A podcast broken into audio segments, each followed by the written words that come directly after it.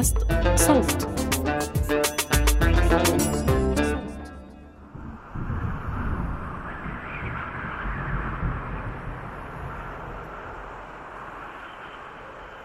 طبقة الأوزون بدونها لا يوجد حياة فهي الطبقة التي تحمي البشر من الأشعة الكونية بنسميها برضو بعد ساعات ال ultraviolet rays. في أول حلقة من الموسم الأول حكينا عن كوكب الأرض الملقب بكوكب Goldilocks أو المعتدل. أطلق عليه هذا الاسم بسبب الظروف المثالية اللي بتسمح للحياة على سطحه. كوكب الأرض في كتير عناصر مختلفة تصنع البيئة المثالية للحياة. من درجة الحرارة المناسبة للعيش للأنهر والبحار ودورة المياه اللي بتوفر المي للشرب وبتنظم الأنماط والتغيرات الجوية. للغازات اللي بنحتاجها للتنفس. في أول الحلقة سمعتوا صوت الدكتور محمد علاء الدين علمة خبير في أنظمة التبريد والتكييف من مصر. يترأس لجنة كود أنظمة التبريد الحديثة وأيضا يعمل كمستشار فني مع برنامج الأمم المتحدة للبيئة مع الفريق المتخصص ببروتوكول مونتريال. الاتفاقية الدولية المعنية بتنظيم المواد المستنزفة لطبقة الأوزون واللي راح تكون جزء أساسي من حلقة اليوم. بعد سبع سنوات من شغلي بمجال البيئة والتنمية الحضرية لاحظت أنه لساتنا محتاجين نحكي عن البيئة ونناقشها خاصة أنه المحتوى العربي بهذا المجال محدود. من هون انخلق هالبودكاست. أنا علي عطاري وهذا الموسم الثاني من بودكاست مد وجزر اللي رح يتوسع في الحوار حول العلاقة بين الإنسان والبيئة وأهميتها في توازن كوكبنا. هذا العمل من إنتاج صوت بالتعاون مع مؤسسة فريدريش إيبرت.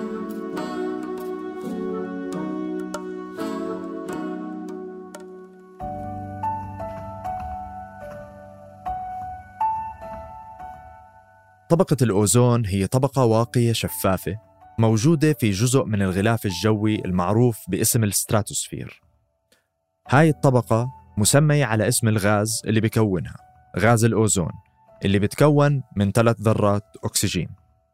وعلى عكس الأكسجين اللي بنتنفسه اللي بس فيه ذرتين أكسجين. ومثل ما حكى الدكتور علاء بدون طبقة الأوزون حياة الإنسان تتهدد بشكل كبير لأنها بتمتص الأشعة الفوق البنفسجية الجاي من الشمس اللي ممكن تسبب مجموعة من الأضرار المختلفة للإنسان مثل سرطان الجلد وبعض الآثار على النظر مثل المي البيضاء ومجموعة من الآثار الأخرى على الحيوانات والنباتات. والحاجة الجديدة اللي اكتشفناها إنها بقى لها دور أيضا في إنها تضعف نظام المناعة البشري. إذا الألترا فايروت راي أو الأشعة فوق البنفسجية أو الأشعة الكونية التي تصدر دائما من الشمس ممكن تسبب للإنسان مشاكل صحية لا أول لها ولا آخر. نفس الشيء بالنسبة للحيوانات. الحيوانات برضو بتتأثر بنفس المشاكل. الجلد بتاعها بيحصل له irritation أو بيحصل له التهابات يوصل لل cancer برضو. الحيوان بيجي له cancer زي البني آدم. وبرضو عيون الحيوانات بتتأثر. أما تأثيره على ال environment واقصد به كمان الحياة النباتية فهو بيأخر الحياة النباتية ويقلل الازهار ويقلل التمثيل الكلوروفيلي على النبات. كلها أسباب ممكن تؤدي في في النهاية إلى فناء البشرية. اللي صار أنه في السبعينات بعض العلماء بدوا يلاقوا نتائج لتجارب وأبحاث بتورجي أنه في مواد معينة بتتفاعل مع أشعة الشمس لتنتج بعض الغازات اللي بتستنزف غاز الأوزون. لكن الدليل الحاسم أتى سنة ال 85 لما لاحظ علماء بريطانيين من خلال استخدام صور الساتلايت أن مستويات الأوزون في القطب الجنوبي متدنية جدا وهذا ما سمي بثقب الأوزون. هذه الظاهرة ما صارت بدون سبب. غاز الأوزون مثل أي غاز تاني ممكن أنه يتفاعل. واللي فعليا بصير هو أنه الغاز عم بتكون وبتفرق بشكل مستمر بالستراتوسفير. اللي فرق في السبعينات والثمانينات هو أنه صار في زيادة في الاستخدامات الصناعية اللي بتولد غازات تتفاعل مع الأوزون بشكل ما بتسمح له أنه يرجع يتكون بسرعة كافية للحفاظ على هالطبقة المهمة. الغازات اللي بتتفاعل مع الأوزون بهالطريقة معروفة باسم المواد المستنزفة للأوزون أو ozone depleting substances. هو ال ozone depletion substances أو المواد المستنفذة لطبقة الأوزون ممكن نقول إنهم حوالي خمسة. أهمهم هو مركب اسمه الكلوروفلوروكربون أو بالاختصار بنسميه CFC ودي بتستخدم في كانت بتستخدم في الثلاجات المنزلية أجهزة تكييف الهواء المذيبات الصناعية آه، تستخدم كعامل من العوامل في آه، آه، محلات ال dry cleaning أو التنظيف الجاف وحاجات أخرى. فأهمهم هو السي اف سي غير ال CFCs في مجموعة من المواد الأخرى منلاقيها في استخدامات مثل طفايات الحريق وأنظمة التبريد والتكييف وفي المنظفات وفي المنتجات الزراعية المختلفة. بعد ما اكتشفوا العلماء مدى الضرر اللي عم بيصير على طبقة الأوزون اجتمعت مجموعة من الدول في مؤتمر فيينا لحماية طبقة الأوزون في ال 85 واتفقوا أنهم يعملوا تعاون دولي للبحث في المواد المختلفة المستنزفة لطبقة الأوزون. هذا المؤتمر كان حجر الأساس لتكوين بروتوكول مونتريال واللي يعتبر نجاح كبير لأنه أول معاهدة دولية تصدرها الأمم المتحدة وتحصل على مصادقة عالمية شاملة من جميع الدول الأعضاء. تحت هذه المعاهدة، جميع الدول المشاركة مسؤولة عن التخلص التدريجي لهذه المواد وتطبيق السياسات للحد من صناعتها، التجارة فيها واستخدامها.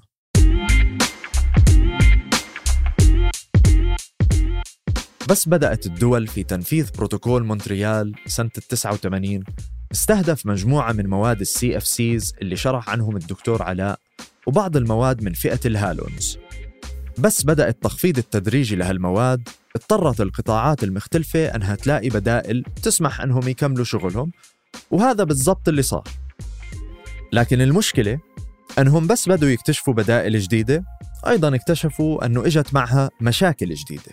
لما تخلصنا من من وسائط تبريد ال CFC اتجهنا FC اللي من ضمنها وسيط معروفة أوي اسمه R 22 أو فريون 22 وكل كان أياميها كل الدنيا بتستخدمه.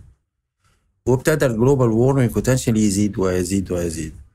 فابتدينا ندخل وسائط zero ODP zero ozone depletion substance وال global warming بتاعها أقل شوية اسمها الاتش اف سيز إنما برضو ما زالت ال global warming potential بتاعها عالي إذا الانتقال للبدائل الثانية تسبب في تحسن في المواد المستنزفة لطبقة الأوزون، بس بالمقابل صار في زيادة في انبعاثات الغازات الدفيئة اللي عندها global warming potential أو معامل الاحتباس الحراري عالي.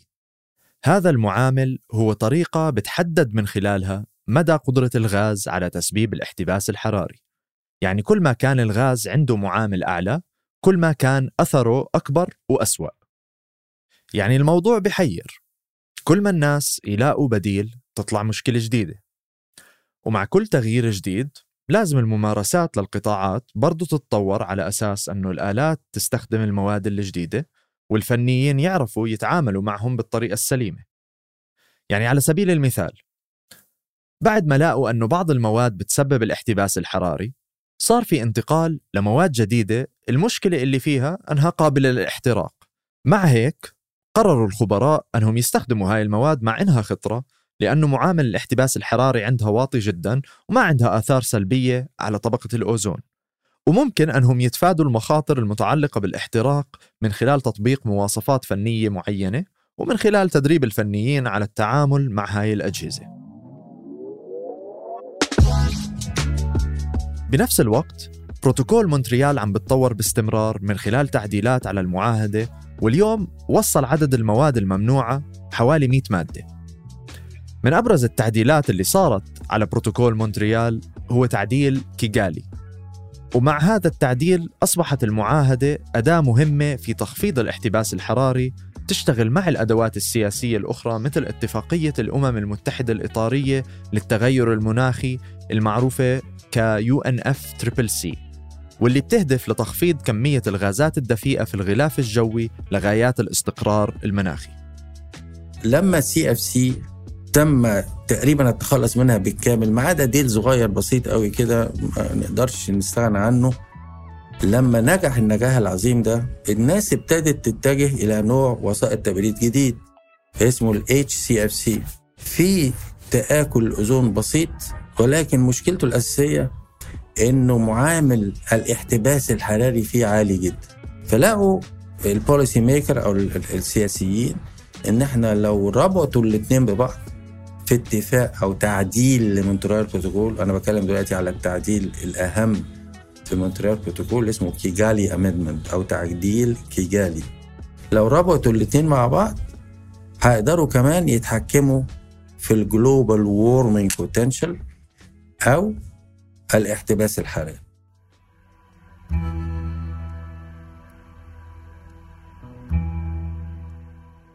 انضم الدكتور علاء للجنة فنية مع الأمم المتحدة. هدفها أنها تلاقي طرق جديدة للتبريد والتكييف بتحاول أنها تعادل بين المشاكل المختلفة بحيث أنه ما تسبب ضرر لا لطبقة الأوزون ولا على التغير المناخي من خلال الاحتباس الحراري. اللي لاقوه أنه في تقنيات جديدة معروفة باسم وسائط التبريد الغير نمطية واللي بعض الدول النامية مثل الصين واليابان أصبحت رواد فيهم. أحد الطرق المطبقة في هاي البلاد هي الأنظمة المزدوجة اللي بتعتمد على ألواح الطاقة الشمسية لتوليد الكهرباء اللازمة لتشغيل المكيفات وبتعتمد على مواد مثل المي والأمونيا والسيليكا للتبريد. بالإضافة لبعض التغييرات اللي بتسمح لهم تقلل كمية الحرارة المفقودة. مقارنة مع الطرق التقليدية للتبريد اللي بتعتمد على ضغط بخار غاز التبريد هاي الطرق بتعتمد على طرق أكثر استدامة وبتتطلب طاقة أقل. التحول للوسائط الغير نمطية طريق طويل ولسه ما عم تستخدم على نطاق واسع. لكن الباحثين عم بيجربوا عدة طرق ليوصلوا مرحلة الاستخدام الواسع من خلال تجارب باستخدام المياه أو الأمونيا أو غيره. الحلو بهاي الطرق أنها بتساعد على توصيل نظم التبريد والتكييف لمناطق كبيرة بدل من بيت واحد أو عمارة واحدة. هدي الحقيقة مثال مثلا. إحنا عندنا في مصر بنبني 14 مدينة مليونية جديدة. وهذا عمل جبار. عندنا كودز في مصر للتبريد وتكييف الهواء. اللي إحنا عملناه في الكود إن إحنا قلنا في المدن الجديدة يجب أن تستخدم طرق تبريد فيها نوعين من النظم. النظم الأولاني هو تبريد المناطق والنظام الثاني هو استخدام طرق التبريد الغير نمطية not in kind cooling technology باستخدام الطاقة المستدامة. في 17 طريقة للتبريد غير طريقة التبريد العادية بالكهرباء. 17 طريقة not in kind أو طرق تبريد غير نمطية. دي اللي لازم نستخدمها في كل البلاد العربية. وكل بلد ربنا حباها بميزة معينة. نستخدم هذه الميزة. لكن إن إحنا نعتمد بس على النظم التقليدية القديمة لا ما ينفعش طبعا.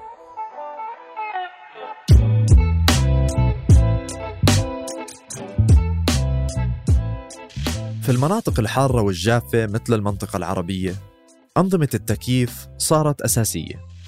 ومع أنماط البناء الجديدة اللي بتشمل أبراج ومشاريع ضخمة لابد أن نتجه لوسائط أكثر استدامة بتساعدنا أن نوصل لأهدافنا في اعتدال درجات الحرارة الداخلية بدون ما تيجي على حساب طبقة الأوزون وبدون ما نساهم في زيادة ظاهرة الاحتباس الحراري ودرجات الحرارة الخارجية. هذا بتطلب تعاون على جميع المستويات. من الحكومات المسؤولة عن وضع القوانين والحوافز اللي بتشجع استخدام بدائل صديقة بالبيئة وللأفراد المستهلكين اللي ممكن أنهم يتجهوا لشراء أنظمة حديثة ذات كفاءة عالية بتكون أحسن لبيئتنا وأحيانا أحسن لجيبتنا لأنه هاي الأجهزة بتكون مطابقة للمعايير الجديدة وبتصرف طاقة أقل وبالتالي بتوفر على فواتير الكهرباء. وفي النهاية الحفاظ على كوكبنا مسؤولية مشتركة وضرورية لاستدامة مستقبلنا.